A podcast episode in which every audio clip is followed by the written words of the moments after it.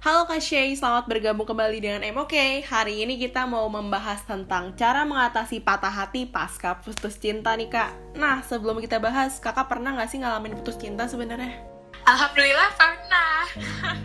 uh, aku ngerasa beruntung sih. Aku pernah mengalami namanya putus cinta, khususnya di usia yang relatif muda. Karena di sini aku jadi lebih kenal sama diri sendiri. Aku tahu mana yang disukain, mana yang aku nggak suka dari seorang pasangan aku juga jadi tahu harapannya tuh ke depannya aku mau pasangan yang seperti apa. Jadi kalau dalam psikologi namanya self clarity jadi berdasarkan pengalaman aku ketika kita menjalin hubungan dengan seseorang pasti kan identitas kita bercampur kan dengan dengan orang tersebut gitu. Nggak bisa bohong juga ketika kita sedang bersama pasangan kan pasti ada sedikit um, ya kayak kita melakukan hal-hal yang pasangan senang padahal kita nggak hmm. hanya untuk menyenangkan perasaan mereka nah uh, dalam proses yang kayak gitu-gitu aku jadi ngerti banget nih uh, kepribadian aku sebenarnya kayak gimana sih kepribadian aku saat bersama pasangan tuh gimana uh, jadi walaupun prosesnya agak membingungkan aku menganggap uh, itu merupakan proses pendewasaan yang harus aku hargai dan syukuri Oke, nah boleh nggak sih kak diceritain sedikit tentang pengalaman putus cintanya kak Sherin? Jadi aku sebenarnya tipe yang susah untuk membuka diri. Tapi sekalinya sayang, sayang banget. Ada yang gini juga nggak pak?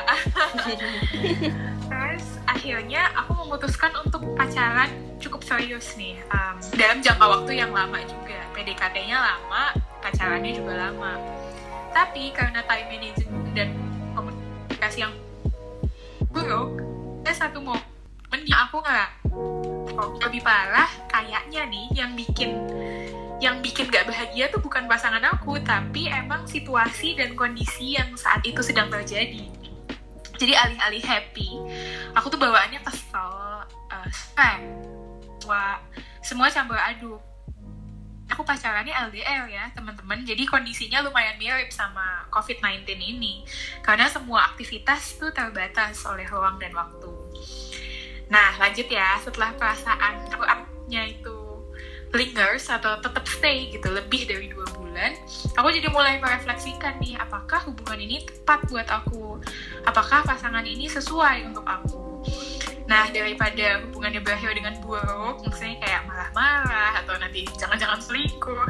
Nah, akhirnya aku atau kita itu untuk memutuskan kita memutuskan untuk mengakhiri hubungan dengan baik-baik karena sesuatu yang dimulai dengan baik harus diakhiri dengan baik juga. Ingat teman-teman jangan habis manis sepah dibuang karena menyebalkan semenyebalkan apa pun mantan kita, uh, mereka pernah menjadi orang terpenting dalam hidup kita. Nah, dari sisi ilmu psikologi, kenapa sih rasanya putus cinta itu sakit banget kak dan susah banget gitu loh untuk bangkit lagi? Apalagi kalau pacarannya atau menjalin hubungannya tuh udah cukup lama gitu sama tuh orang. Uh, kenapa sakit? Aku pernah baca beberapa penjelasan sih. Salah satunya tuh dari otak kita. Otak kita tuh memposisikan emotional pain tuh sama seperti physical pain. Ini tuh penelitian dari kalau nggak salah Columbia University tahun 2019 jadi ini terkesan sangat ilmiah. Tapi uh, nggak apa-apa ya karena psikologi kan ilmu yang ilmiah teman-teman. Kita bukan dukun tapi semuanya berdasarkan fakta. Nah tapi uh, balik lagi menurut penelitian Columbia University ada nih satu bagian otak namanya anterior cingulate cortex yang akan nyala ketika di CT scan pas kita ditunjukkan foto mantan.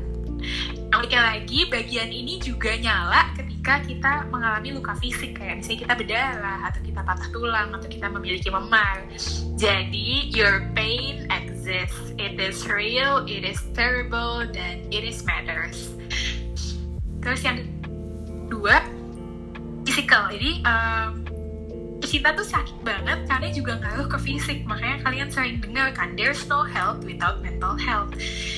Saking sakitnya emosi kita dada kita juga jadi sakit loh. Ini disebut namanya broken heart syndrome. Terus tekanan darahnya jadi naik. Ini karena hormon kortisol atau hormon yang mengatur stres kita meningkat. Terus kita juga jadi jerawatan jerawatan hormonal. Karena balik lagi kita dalam kondisi yang stres. Dengan seluruh kondisi fisik yang gak nyaman, ditambah emosi yang campur aduk itu makin susah untuk bangkit dan kembali kembali menjalani aktivitas sehari-hari secara normal. Ah, jadi itu kenapa sakit banget karena emang udah ada penelitiannya juga ya dari segi otak lah, dari segi fisikal lah kak gitu ya kak ya. Benar. Nah, gimana sih kak caranya untuk kita tuh bisa mengatasi patah hati setelah putus cinta ini? Uh, ini berdasarkan pengalaman aja ya. Teman sekalian berkenan. Tapi yang pertama itu jangan memendam perasaan apa pun. Jadi kalau lagi sedih ya nangis aja. Kalau lagi kangen juga kangen aja. Jangan membohongi diri sendiri. Kalau lagi nggak mood hangout sama temen juga ya udah bilang aja uh, mental kita tuh butuh waktu dalam menyesuaikan kondisi yang tidak normal. And it's completely normal. It's completely okay to be not okay kayak gitu. Jadi nggak usah maksa diri. Terus yang kedua reconnect with the support system yang kalian punya sebelum kalian pacaran. Jadi bukan berarti kita kehilangan pacar kita langsung kesepian kan enggak. Masih banyak loh orang yang sebenarnya tuh peduli dan mau mendengar keluh kesah kita yang menurut kita nggak penting bisa jadi menurut orang lain penting yang menurut kita ah ini bukan suatu masalah yang besar bisa jadi orang lain tuh sebenarnya udah khawatir banget sama kita. Jadi jangan menutup diri dan tetap open ya. Yang ketiga, moving forward. Um, kita nggak bisa diam di tempat. Uh, kita jadi stagnan kan, padahal waktunya jalan terus. Rugi dong kita. Jadi dalam kondisi fisik dan mental yang sangat kurang kondusif ini, ada baiknya bagi kita untuk melakukan hal-hal yang kita senangi. Jadi ada sense of normality gitu loh di saat situasi lagi tidak normal. Ya misalnya kamu senang yoga, ya jangan berhenti datang ke kelas yoga. Kamu senang masak, jangan stop masak. One way or another, kita tuh harus melampiaskan emosi yang kita punya terhadap suatu hal.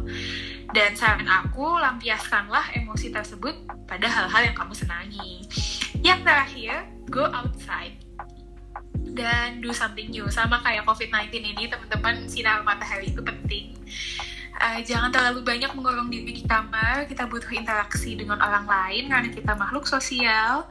Dan dengan melakukan hal yang baru kita juga dapat uh, terdistraksi pada hal-hal yang menyenangkan jadi secara keseluruhan karena kita terdistraksi kita jadi lupa kan uh, masalah putus ini dan perasaan-perasaan negatif yang mengelilingi putus ini. Uh, bonus lainnya adalah kita juga jadi punya pengalaman baru. Nah kak, kira-kira berapa lama ya kak kita tuh bisa pulih kembali nih setelah putus cinta? Perlu diingat, recovery itu is going to take time ya. Jadi uh, healing itu butuh waktu. Kita nggak bisa pulih dari luka hati dalam waktu yang cepat ingat semuanya membutuhkan proses dan sesuatu yang instan itu biasanya nggak berakhir dengan baik. Jadi terima aja emosi yang kamu rasakan, sedih, kecewa, uh, merasa bersalah. Jangan buru-buru oke okay lagi. Uh, it's fine, it's fine kalau itu butuh waktu yang lama gitu. Kalian nggak aneh, justru itu normal. Tapi perlu diingat, semua balik lagi ke kepribadian dan resiliensi masing-masing individu. Oke deh kak, nah bisa gak kak kasih pesan nih untuk followers MOK yang habis putus cinta biar lebih semangat gitu? Uh, kalau dari aku sih ada tiga. Yang pertama, setiap kali kalian merasa sedih, take a deep breath. Ambil nafas dalam-dalam. Hampir semua orang tuh pernah mengalami putus cinta, jadi kamu gak sendiri. Terus yang kedua, selalu ingat kalau kalian tuh you are loved, you are worth it. Jangan pernah mempertanyakan uh, apakah kamu berharga atau tidak, apakah kamu salah atau tidak. Hubungan itu kan uh, yang bertanggung jawab dua orang kan, gak hanya satu orang. Jadi jangan pernah menyalahkan semuanya ke diri kamu saja. Dan yang terakhir, you are stronger than you think. Jadi kalau misalnya kamu nganggap putus cinta tuh merupakan akhir dari dunia, coba pikir lagi deh. Karena masih banyak hal-hal baik yang terjadi di sekeliling kamu. Masih banyak juga yang sayang sama kamu selain mantan kamu. Jadi, help your chin high, angkat dagu kamu tinggi-tinggi, and walk as a better person than you were ever before. Oke, okay, thank you so much Kak Sherin udah berbagi sama M. Oke. Okay. Thank you banget Alfa. Mudah-mudahan sesi sharing kali ini uh, bisa berguna bagi kalian yang sedang putus cinta. Ingat jangan terlalu banyak sedih karena you are loved and we are here. Oke deh, sampai ketemu lagi ya kak di sesi berikutnya. See you later. Bye.